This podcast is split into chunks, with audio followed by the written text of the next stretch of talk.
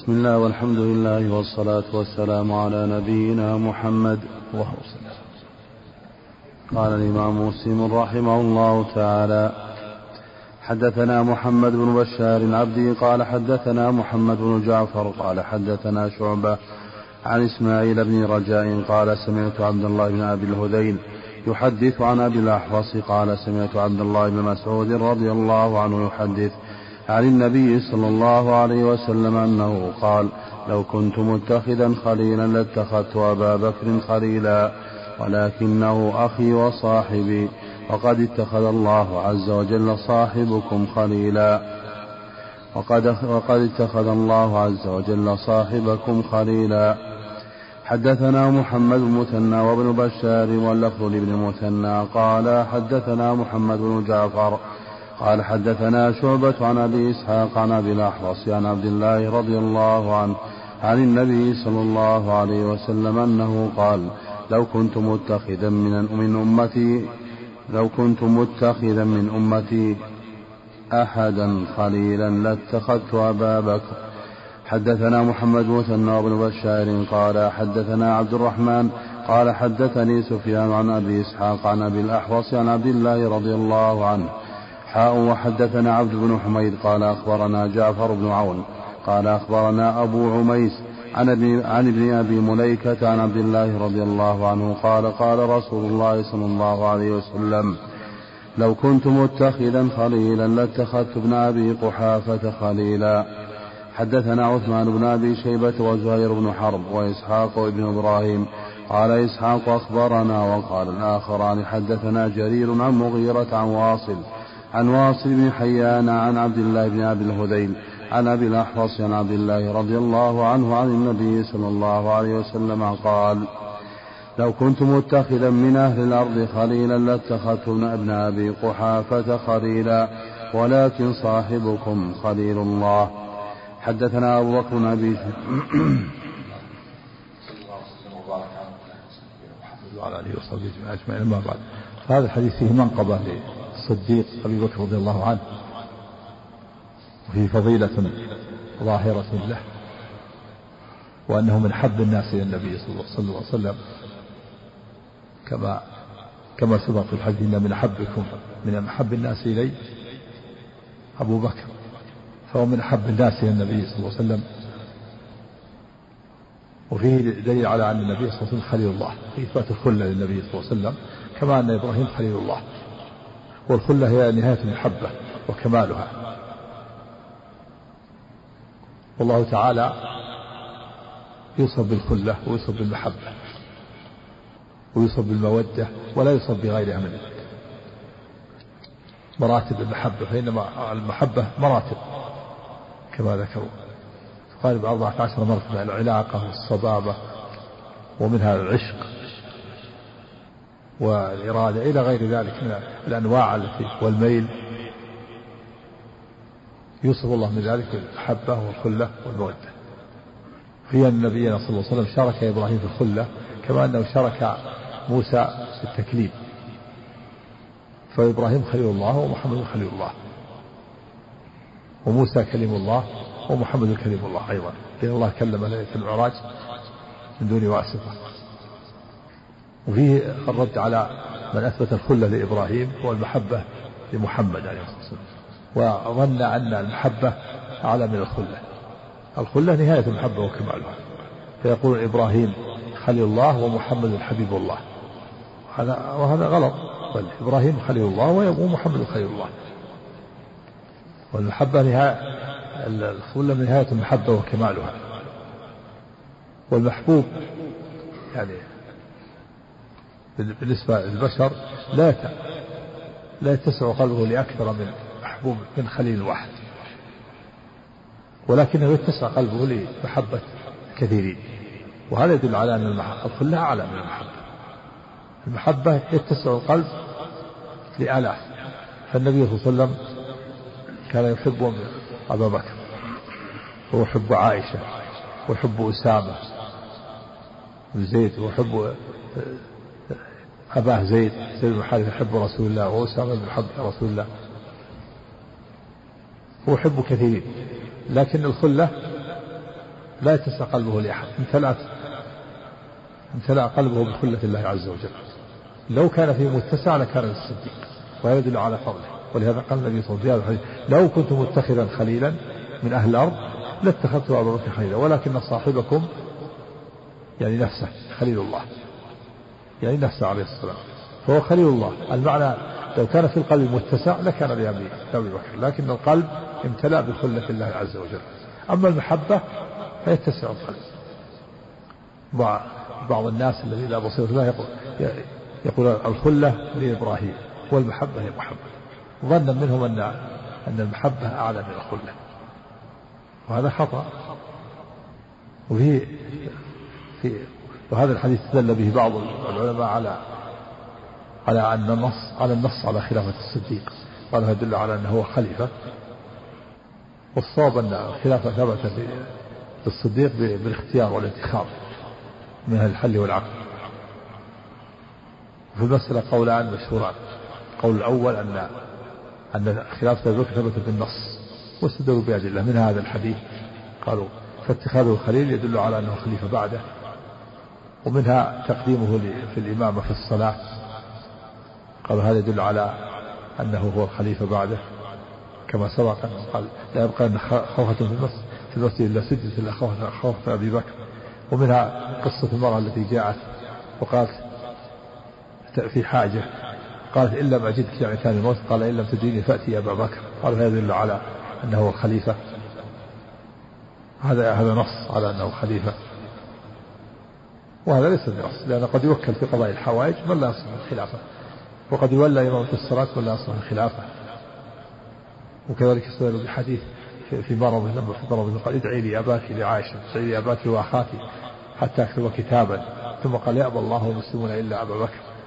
قالوا هذا نص وهذا ليس بنص وإنما هو إخبار عن المستقبل. والمقصود أن الصواب من القولين أن خلافة الصديق ثبتت بالاختيار والانتخاب مقبل الحل والعقل ويدل على ذلك الاختلاف الذي حصل بين الأنصار وأرادوا أن لما أسروا إلى سقيفة بني ساعدة وأرادوا أن يولوا واحدا من الأنصار. فلو كان هناك نص لما حصل النزاع ولما جاء أبو بكر وعمر لم يذكروا نصا. وإنما ذكروا أن الخلافة لا تكون في قريش. وكذلك عمر رضي الله عنه لما طعن قيل له استخلف فقال إن استخلف إن أستخلف فقد استخلف من هو خير مني؟ يعني أبا بكر. وإن لم أستخلف فلا أستخلف من هو خير مني يعني يعني رسول الله صلى الله عليه وسلم. وقال هذا المحضر من الصحابة ولم ينكروا عليه كان إجماع عليه ولو كان هناك قالوا لا لقالوا لعمر لا الرسول نص على أن الخليفة أبو بكر. كيف تقول لم يستخلف؟ نعم. حدثنا أبو بكر بن أبي شيبة قال حدثنا أبو معاوية ووكيع حاء وحدثنا إسحاق بن إبراهيم. قال على الرافضة الذين يتنقصون الصديق ويكفرونه ويكفرون الصحابة ويقول علي هو أفضل وأفضل منه. وهذه الحديث كلها تدل على أن أفضل الناس بعد الأنبياء أبو بكر ثم عمر ثم عثمان ثم علي. في الرد على الرافضة الذين يقولون أفضل الناس علي. بعد. يقول هو الخليفة بعده. يقول لو كنت متخذا من أهل الأرض خليلا لاتخذت أبو بكر خليلا. من أهل الأرض جميعا. دل على أنه مقدم على علي. نعم. وغيره من الصحابة نعم. لكن الرافضة قوم بهت. وهم من أكذب الناس. يختلقون الأكاذيب ويكذبون في أحاديث يختلقونها ويزعمون أن النبي صلى الله عليه وسلم نص على الخليفة بعد علي ثم ثم الحسن ثم الحسين إلى بقية إلى آخر الأئمة الاثني عشرين وهذا من كذبهم وضلالهم. نعم ويكفرون الصحابة وفسقونهم نعوذ بالله. نعم هذا كفر وضلال. نعم. حدثنا أبو بكر بن أبي شيبة قال حدثنا أبو معاوية ووكيع. حا وحدثنا إسحاق بن إبراهيم قال أخبرنا جرير. حا وحدثنا ابن أبي عمر قال حدثنا سفيان. كلهم عن الأعمش. حاو وحدثنا محمد بن عبد الله بن نمير وأبو سعيد اشد واللفظ لهما قال حدثنا وكيع قال حدثنا الأعمش. عن عبد الله بن مرة عن أبي الأحوص عن عبد الله رضي الله عنه قال قال رسول الله صلى الله عليه وسلم. ألا إني أبرأ إلى كل خل من خلة من خل إلى كل إلى كل خل من خله. ولو كنت متخذا. خله ومن خله من كل خل يعني محب. من خل من خله من خلته ومحبته. يعني أبرأ إلى كل خل من خله من خله يعني من خلته. لأن الخلة لا تكون إلا لواحد وهي لله عز وجل بالنسبة للنبي صلى الله عليه وسلم. فتبرأ النبي صلى الله عليه وسلم من كل خلة سوى خلة الله عز وجل. قال أبرأ أبرأ من كل خلة إلا من خلة الله لأنه خليل الله. والخليل لا يتسع قلبه لأكثر من خليل واحد. يمتلئ القلب خلة واحد. وقد امتلأ قلب النبي صلى الله عليه وسلم بخلة الله. فلا فليس فيه متسع لأحد. لو كان فيه متسع لكان الصديق لكن لا يتسع. أما المحبة يتسع. فلهذا أحب كثيرين. والخليل هو هو المحب الذي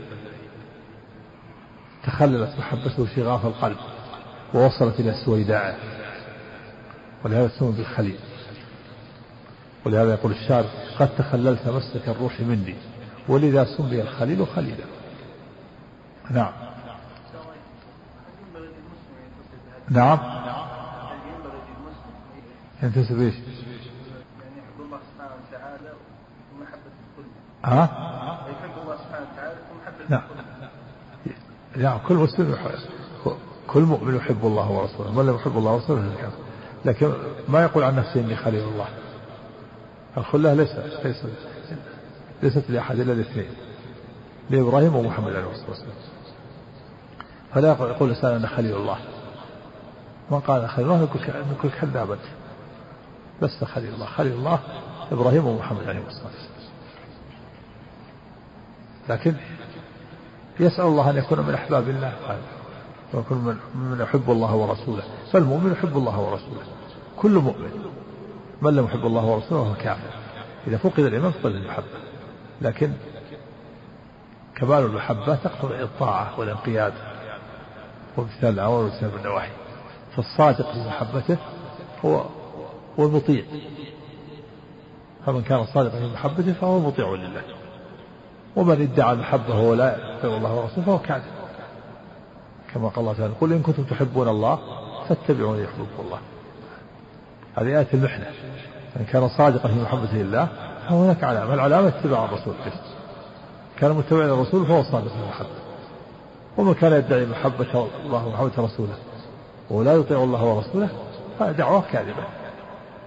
الدعاوي لا بد له من دليل يثبتها وإلا دعوة. كما ذكر الشاعر بهذا المعنى. والدعاوى أهلها أدعياء إن لم يعني لم يثبتوها بالأدلة. المقصود أن الدعوة لا بد لها من دليل. نعم. وأما قول أبي هريرة آه، خليلي بالنسبة للنبي خليل صلى الله عليه وسلم سمته خليلي صلى الله عليه وسلم فهذا الخلة من, من قبل أبي هريرة. فأبو هريرة اتخذ النبي الخليل لكن النبي لم يتخذ خليل. النبي صلى الله عليه وسلم اتخذ خليلا نعم. عن عبد الله رضي الله عنه قال قال رسول الله صلى الله عليه وسلم ألا إني أبرأ إلى كل خل من خله. ولو كنت متخذا خليلا لاتخذت أبا بكر خليلا. إن صاحبكم خليل الله. يعني نفسه عليه الصلاة نعم.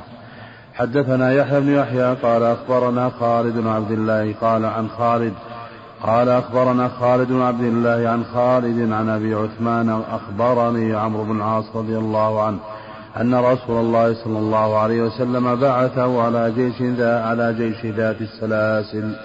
فأتيته فقلت أي الناس أحب إليك؟ قال عائشة. قلت من الرجال؟ قال أبوها. قلت ثم من؟ قال عمر. فعد رجالا. نعم. فاتسع قلبه لعدد يحبهم حب عائشة وحب أبو بكر وعمر وعد رجال أسامة وزيد. المحبة أوسع من الخلة. يتسع القلب لآلاف لكن الخلة ما تسع إلا لواحد. نعم. وحدثني الحسن بن علي الحلواني قال حدثنا جعفر بن عون عن أبي عميس حاء وحدثنا عبد بن حميد. واللفظ له قال أخبرنا جعفر بن عون قال أخبرني أبو عميس عن ابن أبي مليكة سمعت عائشة رضي الله عنها وسئلت من كان رسول الله صلى الله عليه وسلم مستخلفا لو استخلفه. قالت أبو بكر فقيل لها ثم من, ثم من بعد أبي بكر؟ قالت عمر ثم قيل لها من بعد عمر؟ قالت أبو عبيدة بن الجراح. ثم انتهت إلى هذا. نعم هذا اجتهاد منها. وفيه دليل على أن فضل الشيخين متكرر عند الصحابة أبو بكر ثم عمر وأن الصحابة مجمعون على تقديم الشيخين أبي بكر وعمر في الرد على الرافضة الذين يتنقصون الشيخين نعم. حدثني عباد بن موسى قال قال حدثنا إبراهيم بن سعد قال أخبرني أبي عن محمد بن جبير بن مطعم عن أبيه رضي الله عنه أن امرأة سألت رسول الله صلى الله عليه وسلم شيئا. فأمر أن ترجع إليه فقالت يا رسول الله أرأيت إن جئت فلم اجدك قال قال أب قال أبي كأنها تعني الموت. قال فإن لم تجديني فأتي أبا بكر. نعم هذا استدل به قال إن إن خلاف الصيغ ثبت من النص قال هذا يدل على هو نص على أن الخليفه بعده ان لم تجدني فأتي ابي بكر. ولكن هذا ليس بصريح بل هذا وكاله في قضايا الحوائج. وقد يوكل في قضايا الحوائج من لا يصلح الخلاف. ويلزم أن يكون هذا نص نعم. لكنه آه، في فضيلة وفي إشارة إلى اختياره وانتخابه لكن ليس بنص نعم. وحدثني وحدثني حجاج بن الشاعر قال حدثنا يعقوب بن إبراهيم قال حدثنا أبي عن أبيه قال أخبرني محمد بن جبير بن مطعم أن اباه جبير بن مطعم رضي الله عنه أخبره أن امرأة أن امرأة أتت رسول الله صلى الله عليه وسلم فكلمته في شيء فأمرها بأمر بمثل, بمثل حديث عباد بن موسى. حدثنا عبيد الله بن سعيد قال حدثنا يزيد بن هارون قال أخبرنا إبراهيم بن سعد قال حدثنا صالح بن كيسان عن الزهري عن عروة عن عروة عن عائشة رضي الله عنها قالت قال لي رسول الله صلى الله عليه وسلم في مرضه. ادعي لي أبا بكر أباك وأخاك حتى أكتب كتابا فإني أخاف أن يتكتب حتى أكتب كتابا فإني أخاف أن يتمنى متمن ويقول قائل أنا أولى ويأبى الله ويأبى الله والمؤمنون إلا أبا بكر. نعم هذا من أدلة من قال أن خلافة الصديق ثبتت بالنص. قال هذا يدل على أنه الخليفة بعده. النبي صلى الله عليه وسلم قال في مرض ادعي لعائشة ادعي لي أباك وأخاك. حتى أكتب كتابا. ثم ترك الكتابة. فقال يأبى الله والمسلمون إلا أبو بكر. وهذا ليس بالصريح. بل هو إخبار عن المستقبل وإشارة وكشف المستقبل. لأنه لم يكتب كتاب ولم يقل خليفة بعدي أبو بكر. لو كان نص قال خليفة بعدي أبو بكر نص عليه ولم يكتب كتابا. لكن وكل الأمر إلى قضاء الله واختيار المسلمين في المستقبل. ولهذا قال يأبى الله والمسلمون إلا أبو بكر. يعني يأبى الله قضاء وقدرا والمسلمون اختيارا وانتخابا إلا أبا بكر. فوقع الأمر كما كان. هو كشف المستقبل. وليس نصا. النص يقول الخليفة بعدي أبو بكر. نعم. حدثنا محمد بن أبي عمر المكي قال حدثنا مروان بن معاوية قال حدثنا مروان بن معاوية الفزاري عن يزيد هو ابن كيسان عن أبي حازم الأشعري عن أبي هريرة رضي الله عنه قال قال رسول, قال رسول الله صلى الله عليه وسلم من أصبح منكم اليوم صائما قال أبو بكر أنا. قال فمن تبع منكم اليوم الجنازة؟ قال أبو بكر أنا. قال فمن أطعم منكم اليوم مسكينا؟ قال أبو بكر أنا. قال فمن عاد منكم اليوم مريضا؟ قال أبو بكر أنا. فقال رسول الله صلى الله عليه وسلم ما اجتمعنا في امرئ إلا دخل الجنة. نعم وهذا في من قبل الصديق. اجتمعت في هذه الأمور الأربعة في يوم واحد. صام وعاد مريض واتبع جنازة وأطعم مسكينا. دل على السباق إلى خيرات رضي الله عنه. وفي دليل على أن من اجتمعنا فيه في يوم واحد دخل الجنة. يقول من أصبح منكم اليوم. يعني اليوم من طلوع الشمس إلى غروبها. إذا فعل هذه الأربع. صام وأطعم مسكين وفي أطعم. ما تصدق. ما قد تصدق إطعام. لابد يطعم طعام. يعني يطعم خبز خبز رز مثلا طعام وتمر يطعم. ما قال تصدق دراهم. أطعم وأطعم مسكين وتبع جنازة وعاد مريضا في يوم واحد. قال من أصلا منكم اليوم. واليوم معناه ينتهي بغروب الشمس. نعم. حدثني أبو الطاهر أحمد بن عمرو بن سرح وحرملة بن يحيى قال أخبرنا ابن وهب قال أخبرني يونس عن ابن شهاب قال حدثني سعيد بن مسيب وأبو سلمة بن عبد الرحمن أنهما سمع أبا هريرة رضي الله عنه يقول قال رسول الله صلى الله عليه وسلم بينما رجل يسوق بقرة له قد حمل عليها التفتت إليه البقرة فقالت إني لم أخلق لهذا. لكني إنما خلقت للحرب. فقال الناس سبحان الله تعجبا وفزعا أبقرة تكلم. فقال رسول الله صلى الله عليه وسلم إني أؤمن به وأبو بكر وعمر. قال أبو هريرة رضي الله عنه قال قال وقال رسول الله صلى الله عليه وسلم بين راع في غنمه عدا عليه الذئب فأخذ منها بين راع في غنمه. نعم. بين راع في غنمه عدا عليه الذئب فأخذ منها شاة فطلبه الراعي فطلبه الراعي حتى استنقذها منه فالتفت إليه الذئب فقال له من لها يوم السبع يوم ليس, يوم ليس لها راع غيري؟ فقال الناس سبحان الله فقال رسول الله صلى الله عليه وسلم فإني أؤمن بذلك أنا وأبو بكر وعمر. نعم هذه من قبل الشيخين بكر وعمر. وفي اللفظ الآخر وليس حاضرين. ليس حاضرين في المجلس. في منقبل الصديق وعمر. حيث أخبر النبي صلى الله عليه وسلم أنه مؤمنان. وليس حاضرين في من قبلهما بقوة يقينهما وكمال معرفتهما وتصديقهما. وفي خرق العادة من كلام البقرة والذئب. والله على كل شيء قدير. الله تعالى أراد خلق العادة خلقها. تكلم الذئب وهو لا يتكلم تكلمت البقرة.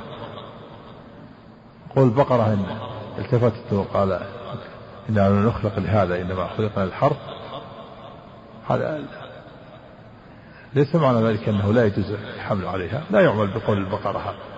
بل يجوز الحمل عليها ويجوز الحمل إذا كانت تطيق لا بأس يحرث عليها ويحمل عليها.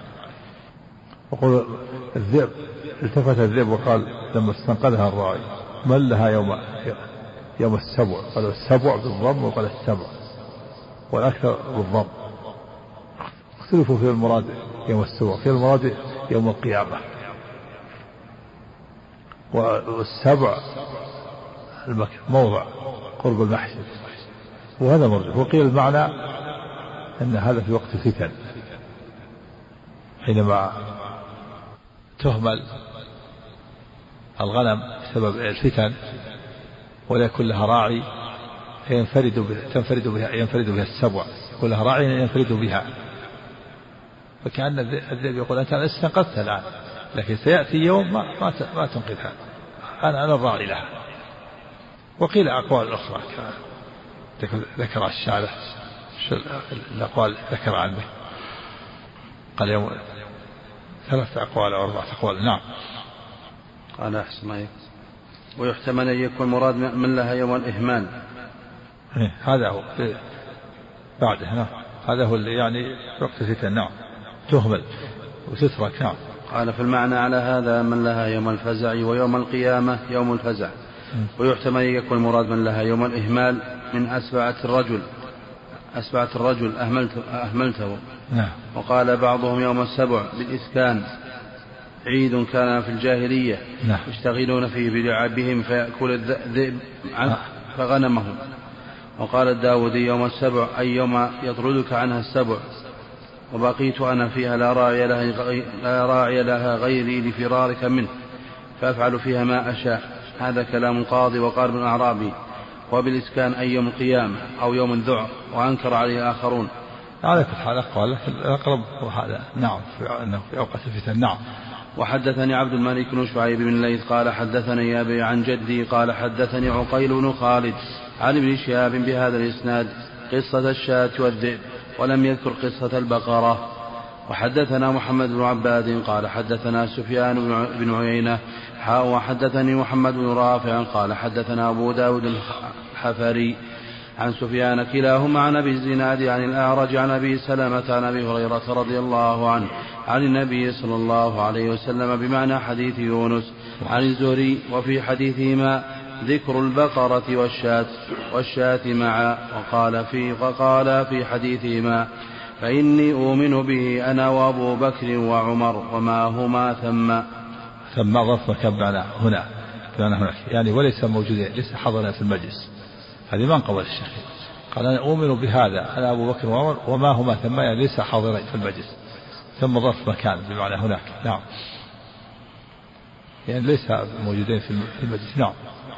وحدثنا وحدثنا محمد بن مثنى وابن بشار قال حدثنا محمد بن جعفر قال حدثنا شعبة حاء وحدثنا محمد بن عباد قال حدثنا سفيان بن عيينة عن مسعر كلاهما عن سعد بن إبراهيم عن أبي سلمة عن أبي هريرة رضي الله عنه عن النبي صلى الله عليه وسلم. حدثنا سعيد بن عمرو الأشعثي وأبو الربيع العتكي وأبو كريب محمد بن علاء واللفظ لأبي كريب. قال أبو الربيع حدثنا وقال الآخران أخبرنا ابن مبارك عن عمر بن سعيد بن أبي حسين عن ابن أبي مليكة قال سمعت ابن عباس رضي الله عنهما يقول وضع عمر الخطاب على سريره. فتكن فتكنفه الناس يدعون ويثنون ويصلون عليه قبل أن يرفع وأنا فيهم فلم يرعني إلا برجل قد أخذ بمنكبي من ورائي فالتفت إليه فإذا هو علي فترحم على عمر وقال ما خلفت أحدا أحب إلي أن ألقى الله أحب إلي أن ألقى الله بمثل عمله منك. نعم. وأيم الله إن كنت لأظن أن يجعلك الله مع صاحبيك. وذاك أني كنت أكثر أسمع رسول الله صلى الله عليه وسلم يقول جئت أنا وأبو بكر وعمر ودخلت أنا وأبو بكر وعمر وخرجت أنا وأبو بكر وعمر. فإن كنت فإن كنت لأرجو أو لأظن أن يجعلك الله معهما. نعم وهذه منقبة لعمر رضي الله عنه. انتقل المؤلف إلى مناقب عمر رضي الله عنه. المناقب ما ذكره علي رضي الله عنه لما وضع على سريره يعني على النعش. تكلفه الناس يعني أحاطوا به. يثنون عليه ويصلون يعني يذكرون المحاسن ويصلون يعني يدعون. يقول ابن عباس وهو, وهو مع مع القوم الذين أحاطوا به اكتنفوا به. لما طعن وتوفي وكان على سرير النعش أحاط الناس يثنون ويدعون. قال ابن عباس فلم يرعني يعني فاجأني حتى أخذ بمنكبي رجل من خلفي فالتفت فإذا هو علي فقال يخاطب عمر ما أحب أن ألقى أن ألقى الله بعمل أحد منك مثلك يعني. يعني يحب علي أن يلقى الله بعمل مثل عمل عمر وهذه شهادة. من علي رضي الله عنه وفيه رد على الرافضة الذين اشتد بغضهم لأبي بكر ولعلي كفروا أبا بكر وكفروا عمر وقدموا عليا عنه وقالوا وقالوا إن يعني إن بينه وبين علي عداوة هذا من كفرهم وضلالهم. الرافضة لهم كفريات عظيمة ولهم شرك في الربوبية. في المقارنة بين بينهم وبين وبين اليهود. الشيخ الحربي له له أشرطة في هذا جيدة في المقارنة بين اليهود وبين الرافضة والتعاون اللي بينهم. وذكر بالأرقام أرقام الصفحات والجرائد التعاون بين اليهود وبين وبين الرافضة في إيران. وأن اليهود يهربون لهم الأسلحة أسلحة الدمار وغيرها والمواد الكيميائية وأن التعاون بينهم قائم تصريحات وتحقيقات وشركهم في الربوبية وأنهم شرك في الربوبية وأنهم يقدمون ويقدمون أئمتهم على النبي صلى الله عليه وسلم ويزعمون أنهم يتصرفون في الكون. كفريات عظيمة. نسأل الله السلامة والعافية. وخرافات أيضا فيها. من زعمهم أن إذا خرج المهدي تطول أجسامهم وأن الجبال تنبع عسل وألبان. وكذلك اليهود يزعمون هذا إذا خرج المسيح وهو الدجال. قارن بينهما وذكر. الشيخ الإسلام ذكر هذا في منهاج السنة. مقارنة المقصود أنه أعمال كفرية تصل إلى الشرك في الربوبية. وصلوا إلى الشرك ما وصل إليه كفار قريش. نعوذ بالله. وأن والتشابه قائم بينهم وبين اليهود في المعتقد وفي التعاون وفي كل شيء. نعم. وإن كانوا في الظاهر يظهرون أنهم ضدهم لكنهم معهم قلبا وقالبا. نعم. نعم. يقول فاجأني. يعني يعني تفاجأت أخذ بمنكبه وفاجأ. وقال ما أحب أن ألقى أن أحدا ألقى الله بعمله مثلك. شهادة من علي رضي الله عنه. نعم. هذا فيما قبلنا يعني نعم. بينما رجل يسوق بقرة يعني الرسول يحكي نعم. فيما مضى. هذا هو الظاهر. نعم. تكلمت البقرة. فقال لا سبحان الله. بقرة تتكلم قال النبي إني أؤمن بهذا أنا أبو بكر وعمر ولم يكونا حاضرين. نعم. وحدثنا إسحاق بن إبراهيم قال أخبرنا عيسى بن يونس عن عمر بن سعيد في هذا الإسناد بمثله حدثنا منصور بن أبي مزاحم قال حدثنا إبراهيم بن سعد عن صالح بن كيسان. حاو حدثني حدثنا زهير بن حرب والحسن بن علي الحلواني وعبد بن حميد واللفظ لهم. قالوا حدثنا يعقوب بن إبراهيم. قال حدثنا أبي عن صالح عن ابن شهاب. قال حدثني أبو أمامة. قال حدثني أبو أمامة بن سهل أنه سمع أبا سعيد الخدري رضي الله عنه يقول قال رسول الله صلى الله عليه وسلم بين أنا نائم رأيت الناس يعرضون وعليهم قمص منها منها ما يبلغ الثدي ومنها ما يبلغ دون ذلك. ومر عمر الخطاب عليه قميص يجره قالوا ماذا أولت ذلك يا رسول الله؟ قال الدين. نعم هذا في منقبة لعمر في قوة دينه وإيمانه ويقينه.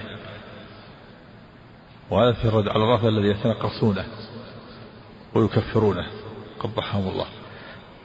وفي دليل على أن القميص أو القمص في الرؤيا تؤول بالدين. فما كان من نقص فهو في الدين. وما كان من طول فهو في الدين.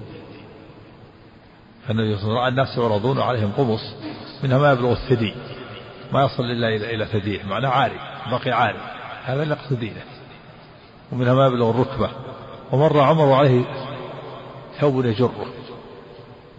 دل على أن دينه تام رضي الله عنه. وإيمانه قوي. يجر الثوب وهذا والقميص يفسر بالدين في الرؤيا نعم. حدثني حرملة حرملة من الرؤيا التي عبرها النبي صلى الله عليه وسلم. فيها رؤيا عبرها عليه الصلاة والسلام. في في أحاديث من هذا. ومن كذلك الحديث اللي بعد في العلم في اللبن. نعم. حدثني حرملة بن يحيى قال أخبرني ابن وهب قال أخبرني يونس أن ابن أن ابن أن ابن شهاب أخبره عن حمزة بن عبد الله بن عمر بن الخطاب عن أبيه عن أبيه رضي الله عنه عن رسول الله صلى الله عليه وسلم قال بين أنا نائم إذ رأيت قدحا أتيت به فيه لبن فشربت منه حتى إني لأرى الري يجري في أظفاري ثم أعطيت فضلي عمر بن الخطاب قالوا فما أولت ذلك يا رسول الله؟ قال العلم. نعم هذا في من قواعد العمر. وأن, وأن الله أعطاه علما جما. وفيه أن أن اللبن يؤول بالعلم. لأن اللبن غذاء في الأبدان والعلم غذاء للأرواح والقلوب. كل منه غذاء فالعلم غذاء الروح والقلب واللبن غذاء البدن. ولا حياة للبدن البدن يحيا باللبن واللبن كافي ولهذا الأطفال الطفل وغير الأطفال يعيش على اللبن ويكفي وكذلك العلم. وهذا من من الرؤيا التي عبرها النبي صلى الله عليه وسلم وفسرها. نعم. اللبن يفسر بالعلم. نعم. ها؟ لا لا. اللي يعبر في القنوات؟ وسمعنا أيضا أنه بدراهم يدفع دراهم يدفع دراهم. هذا يدل على أنه يعني على تساهلهم الشديد وأن مقصودهم الدنيا. بعضهم يقول ترسل كذا ترسل دراهم وتأتيك تعبير الرؤية. هذا توسع لا وجه له.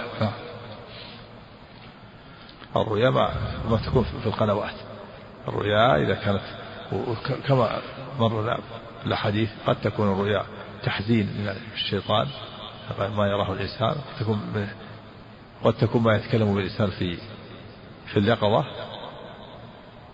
وقد تكون فإذا كانت رؤيا لها شأن يقصها على الشخص يأتي إليه. أما في في القنوات الفضائية كل ما هب ودب تلقى عليهم الأسئلة ويجلسون الساعات الطويلة. وهذه امرأة ويسمع كلام النساء وهذه امرأة رأيت كذا وكذا ويفسرها ويعبرها في الحال. هذا هذا يدل على في الغالب أن هؤلاء مقصودهم الدنيا وأخذ الدراهم. دليل أنه يعطى عن كل رؤيا يعطى دراهم. فعبرها نعم.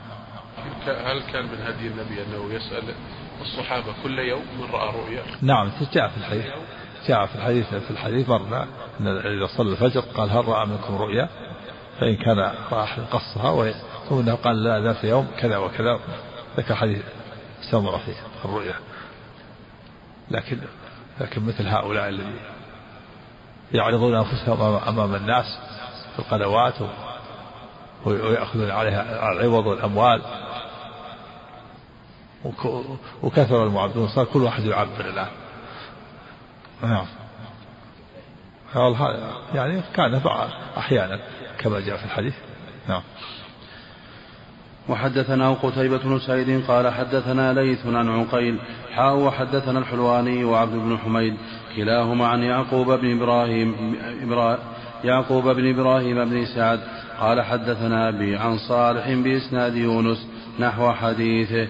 حدثنا حرملة قال أخبرنا ابن وهب قال أخبرني يونس عن ابن شهاب أن سعيد بن مسيب أن سعيد بن مسيب أخبره أنه سمع أبا هريرة رضي الله عنه يقول سمعت رسول الله صلى الله عليه وسلم يقول بين أنا نائم رأيتني على قليب عليها دلو فنزعت منها ما شاء الله ثم أخذ ابن أبي قحافة فنزع بها ذنوبا أو ذنوبين وفي نزعه والله يغفر له وفي نزعه والله يغفر له ضعف ثم استحالت غربا فأخذ ابن الخطاب فلم أر عبقريا من الناس ينزع نزع عمر الخطاب. ينزع. استحالت غربا تحولت غرب. نعم. فلم أر عبقريا من الناس ينزع نزع عمر بن الخطاب حتى ضرب الناس بعطن. نعم. هذا فيه أيضا في في منقبة للشيخين. وهذا هذا المنام احتج به بعضهم على على خلافة الصديق وأن هذا نص. في خلافته. والجواب أن هذا ليس نصا لأنه بل هو هذا المنام كشف للمستقبل وإخبار بما سيحصل وليس نصا في خلافته. ولو كان نصا في خلافة الصديق لكان نصا في خلافة عمر. ولم يقل أحد إنه إن خلافة عمر ثبتت بالنص ودل على أنه لا يكون نصا في خلافة أبي بكر. قل بينما أنا نايم رأيتني على قليب أنزع. لأنه هو إمام عليه الصلاة والسلام هو رسول الله وهو إمام المسلمين. ثم بعد ذلك أخذها أبو بكر رضي الله عنه فنزع منها دلو أو دلو في نزع ضعف. دلو أو دلوين دلوين يعني إلا سنتين خلافته خلافته سنتين وفي نزع ضعف بسبب القلاقل والفتن وحروب الردة. ثم استحالت غربا تحول الدلو إلى غرب وهو الدلو الكبير. بدل ما أول كان دلو صغير ثم تحول إلى دلو كبير فأخذ عمر. فجعل ينزع نزعا شديدا. إشارة إلى طول خلافته. فإن استمر خلافته عشر سنوات ونصف. و وقد هدأت الأحوال واستتب الأمن وعاد الناس إلى دين الله وتفرغ لفتوحات إشارة إلى اتساع الفتوحات في زمانه. ولهذا جعل ينزع نزعا قويا من البئر حتى ضرب الناس بعطل يعني حتى روي الناس. والعطل هو مكان الإبل التي يستريح فيها. يعني حتى روي رويت الإبل وشربت وجلست في مكانها. مكان العطل والمعنى حتى حتى روي الناس.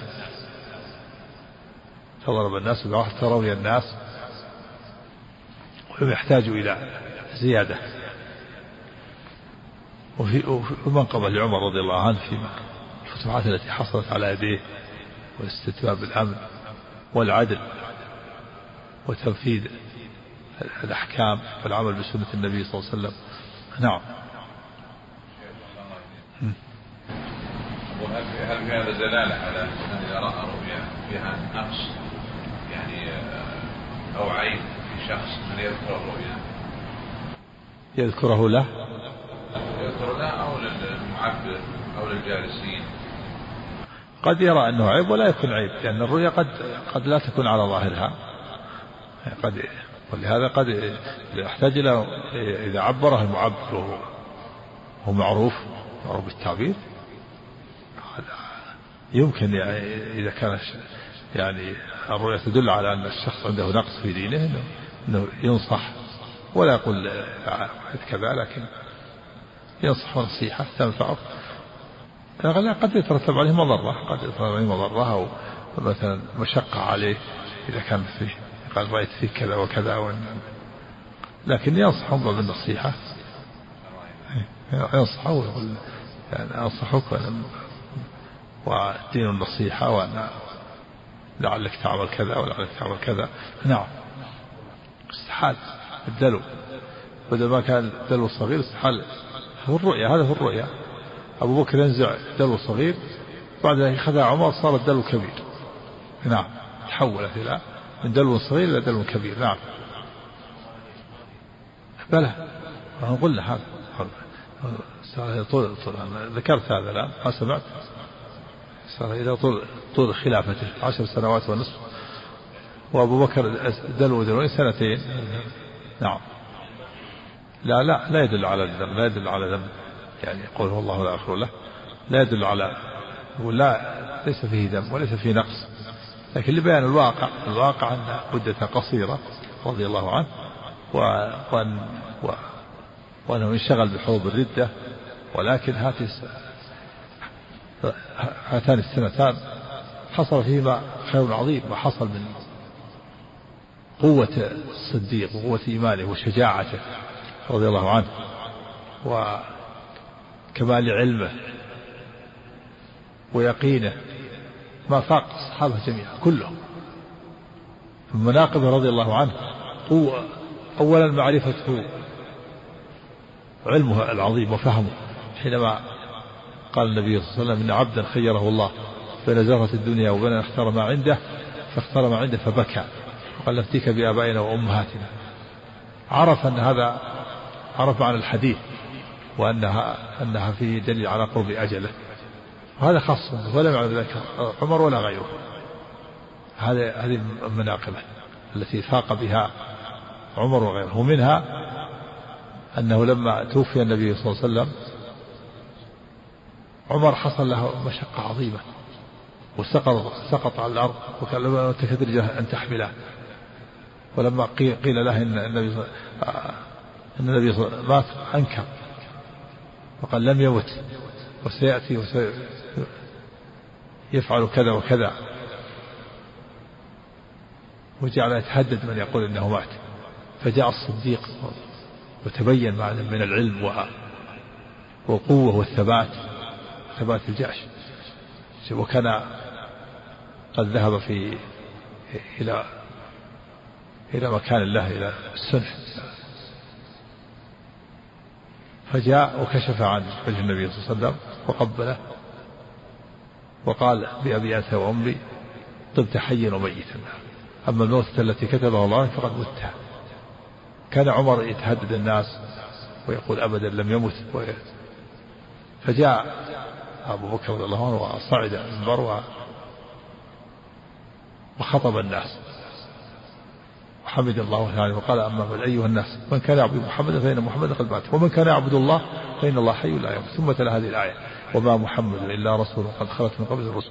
أفإن مات أو قتل انقلبتم على أعقابكم ومن ينقلب على فلن يضر الله شيئا. فجعل الناس يتلونها في سكن المدينة.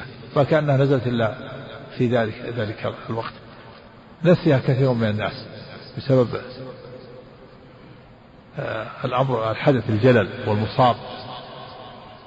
الإنسان إذا أصاب أمر ينسى. ويحصل دهشة حصل دهشة. حتى نسوا هذه الآية ذكرهم إياها الصديق رضي الله عنه. تبين بذلك ثبات الصديق وقوته ورباطة جعشه وعلمه. كذلك لما ارتد الناس أيضا ارتد الناس ومنع بعض الناس الزكاة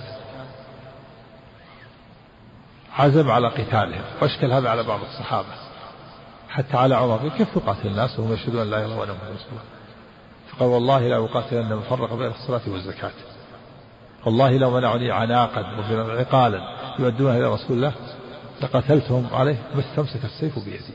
يعني ولوح فلما عزم عرفوا ذلك تبين لهم بعد ذلك أن هذا هو الحق وفهموا النصوص بعد ذلك.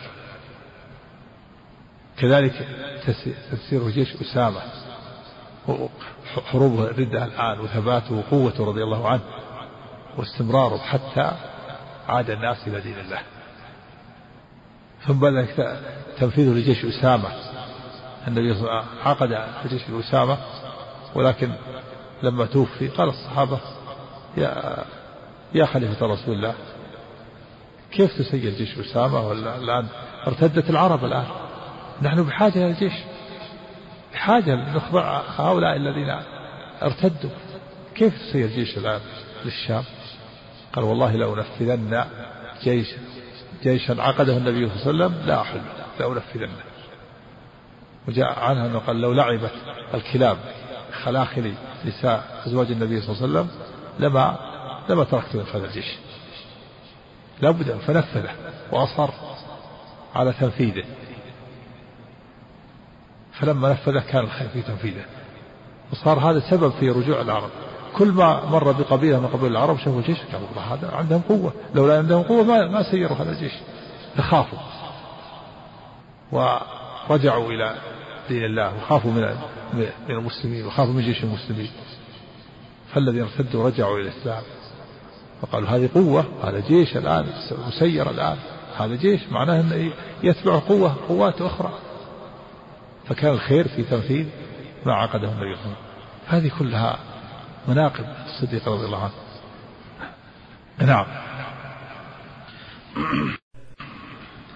وحدثني عبد الملك بن شعيب بن الليث قال حدثني أبي عن جدي قال حدثني عقيل بن خالد حاء وحدثنا عمرو الناقد والحلواني وعبد بن حميد عن يعقوب بن إبراهيم بن سعد قال حدثنا أبي عن صالح بإسناد يونس نحو حديثه حدثنا الحلواني وعبد بن حميد قال حدثنا يعقوب قال حدثنا أبي عن صالح قال قال الأعرج قال الأعرج وغيره. إن أبا هريرة رضي الله عنه قال إن رسول الله صلى الله عليه وسلم قال رأيت نابي قحافة ينزع بنحو حديث الزهري.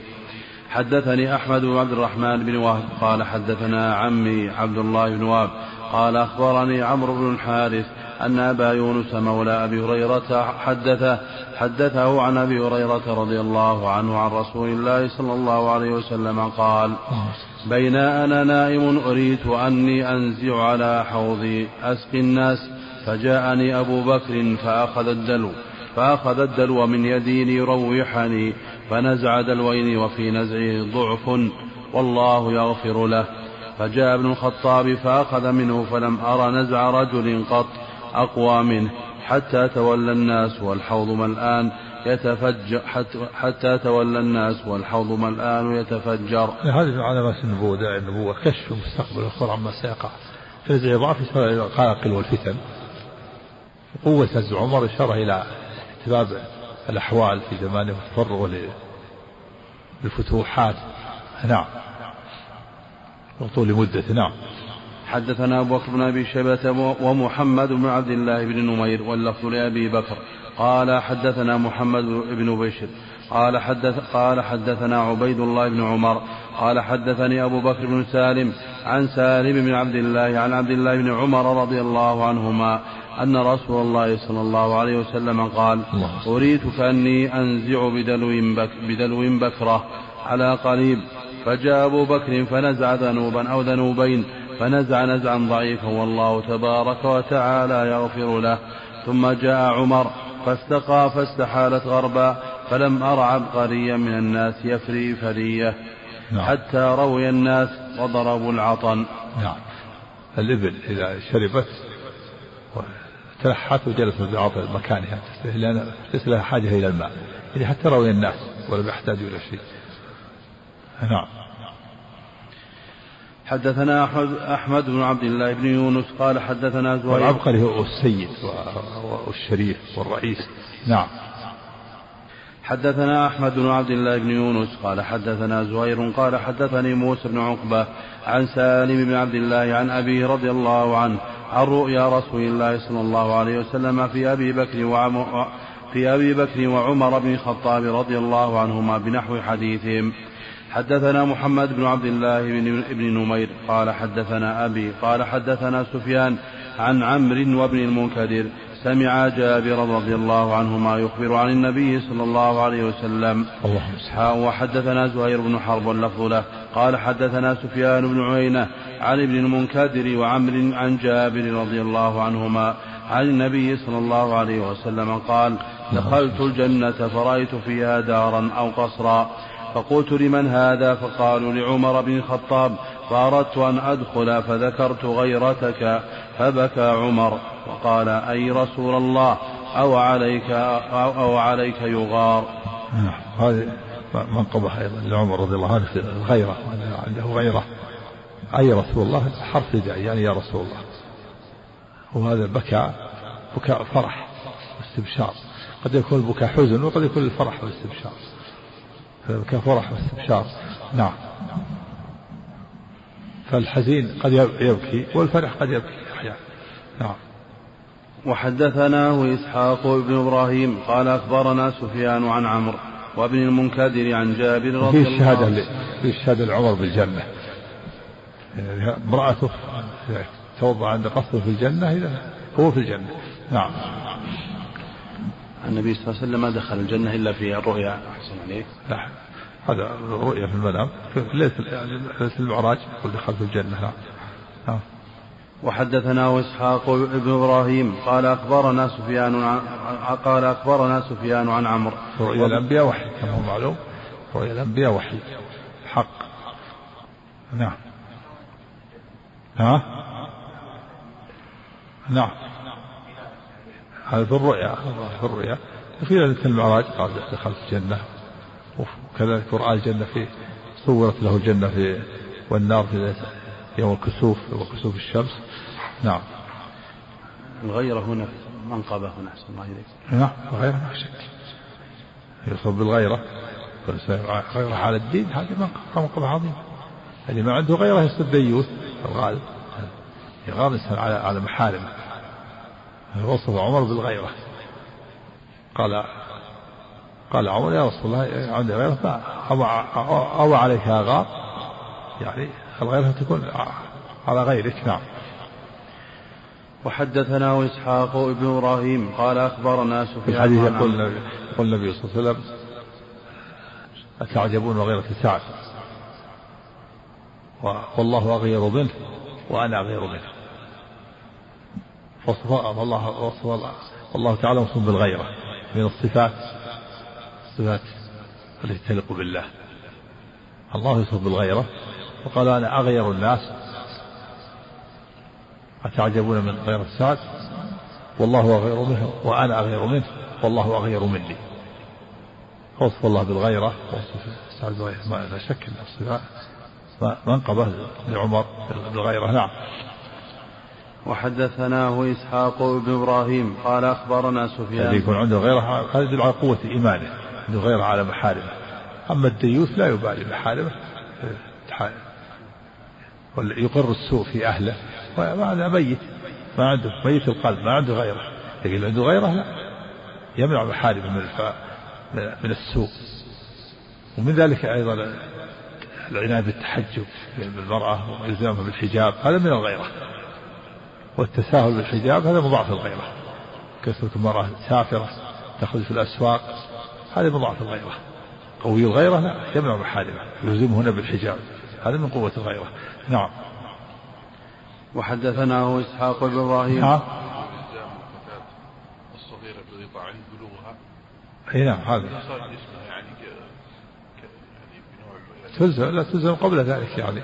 قبل ذلك تدرب وتمرن. لو لم تلزم إلا بعد البلوغ ما ما, ألفت الحجاب. لكن لابد أن تألف الحجاب قبل ذلك.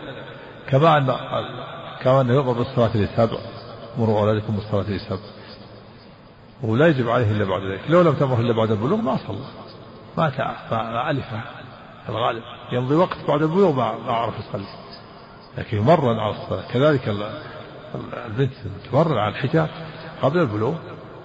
وإذا كانت كذلك مراهقة قبل عائشة إذا بلغت المرأة تسع سنين فهي امرأة قد تبلغ بنت سنين. تمرن قبل ذلك. تمرن وتعود. وكذلك المراهق له حكم حكم البالغ في الغالب. نعم. من التمرين اللي يسمى كاب؟ يعتبر من تمرين الفتاة على لا نعم. إذا كان إذا كان ساتر ويشبه العباءة نعم. هذا طيب. من التمرين نعم. نعم. وحدثناه إسحاق بن إبراهيم قال أخبرنا سفيان عن عمرو وابن المنكدر عن جابر رضي الله عنهما حاء وحدثنا أبو بكر بن أبي شيبة قال حدثنا سفيان عن عمرو سمع جابرا حاء وحدثنا عمرو الناقد قال حدثنا سفيان عن ابن المنكدر سمعت جابرا رضي الله عنهما عن النبي صلى الله عليه وسلم بمثل حديث ابن نمير وزهير حدثني حرملة يحيى قال أخبرنا ابن وهب قال أخبرني يونس أن ابن شهاب أخبره عن سيد المسيب عن أبي هريرة رضي الله عنه عن رسول الله صلى الله عليه وسلم أنه قال بين أنا نائم إذ رأيتني في الجنة فإذا امرأة توضأ إلى جانب قصر. فقلت لمن هذا؟ فقالوا لعمر بن الخطاب. فذكرت غيرة عمر فوليت مدبرا. قال أبو هريرة رضي الله عنه فبكى عمر. ونحن جميعا في ذلك المجلس مع رسول الله صلى الله عليه وسلم. نعم. بكى بكاء فرح. نعم. استبشار. نعم.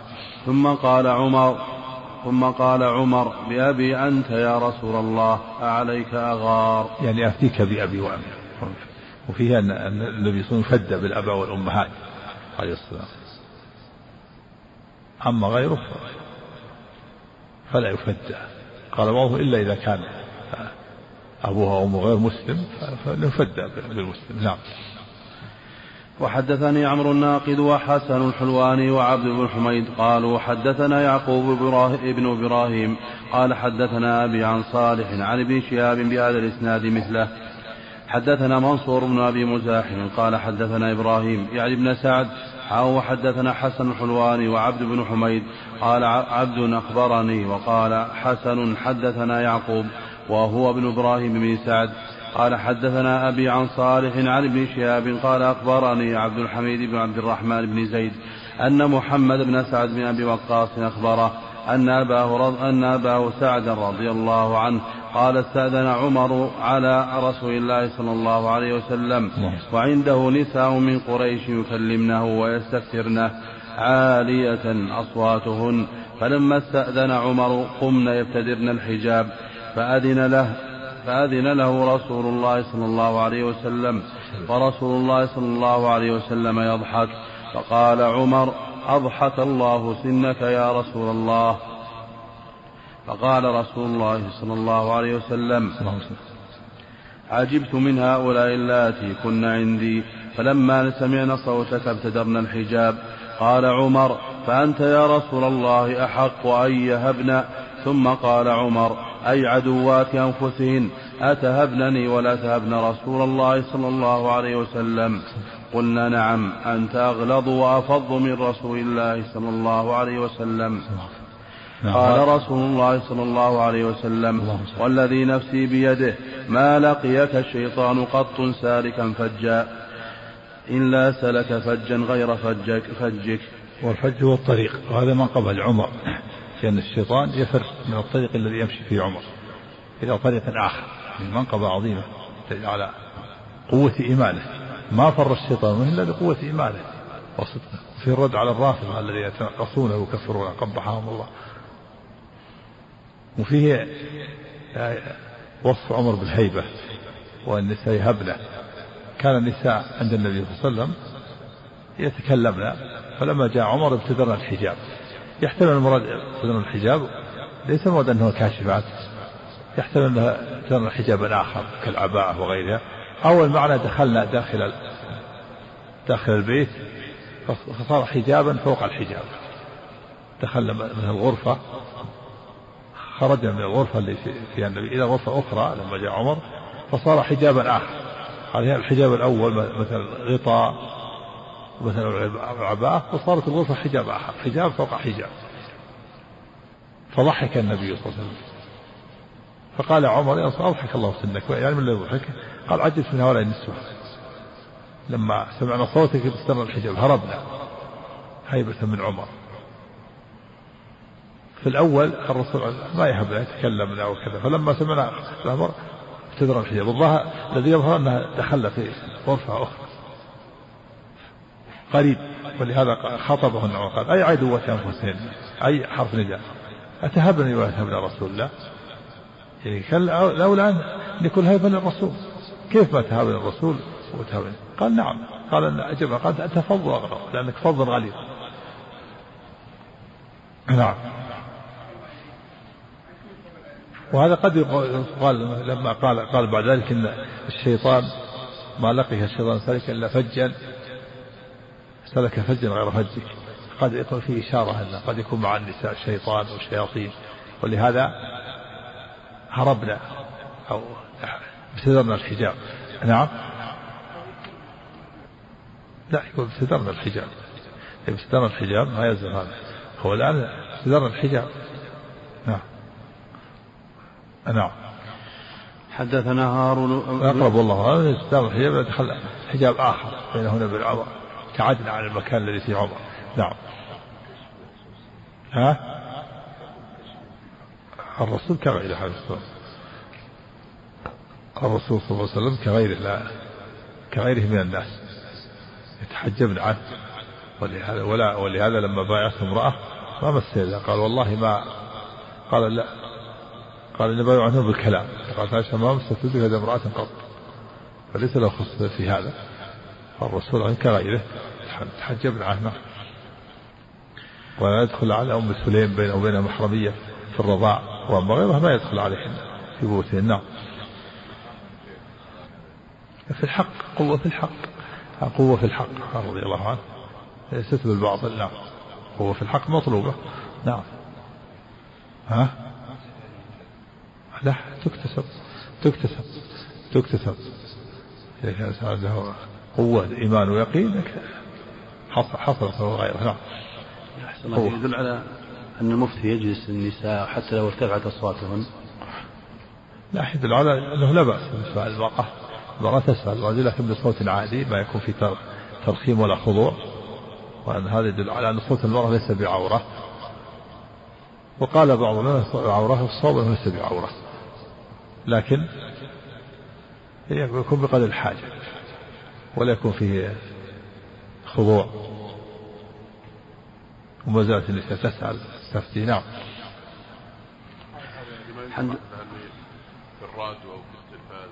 يسألنا. بقدر الحاجة بقدر الحاجة. وينبغي أن يكون بينه وبين المفتي الأولى أن يكون بينه وبين المفتي ما يكون أمام الناس. لأن هذا ما, ما الحاجة يسمع قد يكون شيء خاص بينه وبين المفتي نعم. لأن لأن اللي يستمع الآن أغمار الناس. بعضهم من يسمع في قلبه مرض. فلا يناسب أن يسمع. نعم. حدثنا هارون بن معروف قال حدثنا به عبد العزيز. عبد العزيز بن محمد قال أخبرني سهيل عن أبيه عن أبي هريرة رضي الله عنه أن عمر الخطاب رضي الله عنه جاء إلى رسول الله صلى الله عليه وسلم وعنده نسوة قد رفعن أصواتهن على رسول الله صلى الله عليه وسلم. فلما استأذن عمر ابتدرنا الحجاب فذكر نحو حديث الزهري. حدثني أبو طاهر أحمد بن عمرو بن سرح قال حدثنا عبد الله بن وهب عن إبراهيم بن سعد عن أبيه عن سعد بن إبراهيم عن أبي سلمة عن عائشة رضي الله عنها عن النبي صلى الله عليه وسلم أنه كان يقول قد كان يكون في الأمم قبلكم محدثون فإن يكن في أمتي منهم أحد فإن عمر بن الخطاب منهم. قال ابن وهب تفسير محدثون ملهمون. نعم وهذه من قبل عمر أنه ملهم. جعل الله الحق على لسانه. ولهذا في الحديث الآخر قال وافقت ربي أو وافقني ربي في ثلاث. فذكر من الحجاب قلت لو لو حجبت نساءك فإن يدخل أهل البر الفاجر فنزلت الحجاب قلت لو اتخذت من مقام إبراهيم مصلى فلازم تتخذ من مقام إبراهيم مصلى. محدث ملهم جعل الله الحق على لسانه. هذه منقبة يا الله. نعم. إنه من الملهم من الملهمين نعم. حدثنا قتيبة, قتيبة بن سعيد قال حدثنا ليث حاء وحدثنا عمرو الناقد وزهير بن حرب قال حدثنا ابن عيينة كلاهما عن ابن عجلان عن سعد بن إبراهيم بهذا الإسناد مثله. حدثنا عقبة بن مكرم العمي قال حدثنا سعيد بن عامر قال جوير قال جويرية بن أسماء أخبرنا نافع عن ابن عمر قال قال عمر رضي الله عنه وافقت ربي في ثلاث في مقام إبراهيم وفي الحجاب وفي أسارى بدر. نعم. وفي أشياء أخرى غيرها. نعم. حدثنا أبو بكر لهم موافقات رضي الله عنه. نعم. حدثنا أبو بكر بن أبي شيبة قال حدثنا أبو أسامة قال حدثنا عبيد الله عن نافع عن ابن عمر رضي الله عنهما قال لما توفي عبد الله ليس المراد الحصر ليس المراد الحصر مراد ذكر هذه الثلاث. نعم. هناك أشياء أخرى أيضا حصل فيها الموافقة. نعم. نعم. نعم. نعم. ما لا, لا يفيد الحصر. نعم. مفهوم العدد. ما يفيد الحصر. نعم. حدثنا أبو بكر بن أبي شيبة قال حدثنا أبو أسامة قال حدثنا عبيد الله عن نافع عن ابن عمر رضي الله عنهما قال لما توفي عبد الله بن أبي عبد الله بن أبي بن سلول جاء ابنه عبد الله بن عبد الله إلى رسول الله صلى الله عليه وسلم فسأله أن يعطيه قميصه. حدثنا أبو بكر بن أبي شيبة قال حدثنا أبو أسامة قال حدثنا عبيد الله عن نافع عن ابن عمر رضي الله عنهما قال لما توفي عبد الله بن أبي عبد الله بن أبي بن سلول جاء ابنه عبد الله بن عبد الله إلى رسول الله صلى الله عليه وسلم فسأله أن يعطيه قميصه أن يكفن فيه أباه فأعطاه ثم سأله أن يصلي عليه فقام رسول الله صلى الله عليه وسلم ليصلي عليه فقام عمر فأخذ بثوب رسول الله صلى الله عليه وسلم فقال يا رسول الله أتصلي عليه وقد نهاك الله أن تصلي عليه. فقال رسول الله صلى الله عليه وسلم إنما خبر إنما خيرني إنما خيرني الله. فقال استغفر لهم أو لا تستغفر لهم. إن تستغفر لهم سبعين مرة وسأزيد على سبعين. قال إنه منافق. فصلى عليه رسول الله صلى الله عليه وسلم. وأنزل الله عز وجل ولا تصلي على أحد منهم مات أبدا ولا تقم على قبره. نعم هذا رواه البخاري في الصحيح. وفيه وفي هذا دليل على النبي صلى عليه قبل أن تنزل الآية التي فيها النهي. نزلت بعد بعد أن صلى ولا تصلي على أحد منهم مات أبدا. وفيها أن ابن ابنه عبد الله بن أبي هذا رئيس المنافقين. وابنه عبد الله من من خيار المؤمنين وأصلحهم ابن اسمه عبد الله بن عبد الله. سمى على نفسه. عبد الله بن عبد الله. وابن عمر سمى على نفسه عبد الله ابن عبد الله والثاني عبيد الله بن عبد الله. لا حرج الإنسان يسمي على نفسه. بعض الناس يكره يقول لا يسمى لا يسمى عليه لا يسمى عليه إلا إذا مات لا يسمى على بعض العامة. هذا ما له قصد. عبد الله سمعه حي سمى ابن عبد الله والثاني عبيد الله. عبد الله وهذا عبد الله بن أبي. عبد الله بن عبد الله بن أبي. ابن سلول. أبي اسمه أبيه سلول اسم أمه. نسب إلى أبويه جميعا. كان رئيس المنافقين. ومع ذلك لما توفي عبد الله جاء ابنه عبد الله قال يا رسول الله أعطني قميصك فأعطاه قميصه وأعطاه قميصه على مكافأة مكافأة له لأن العباس عم النبي صلى الله عليه وسلم لما أسر لم يجدوا له قميصا لأنه كان طويل إلا قميص عبد الله أعطاه إياه لأنه طويل. فأراد النبي صلى الله عليه وسلم أن يكافئه. فكافأه وأعطاه قميصه لما توفي أعطى ابنه عبد الله مكافأة له على إعطائه قميصه لعمه العباس يوم بدر.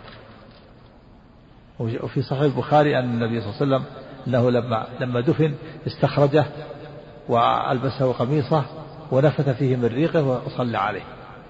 والمعنى استخرجه يعني لما دلي في حفرته. ليس المراد أنه دفن لما دفن دلي في حفرته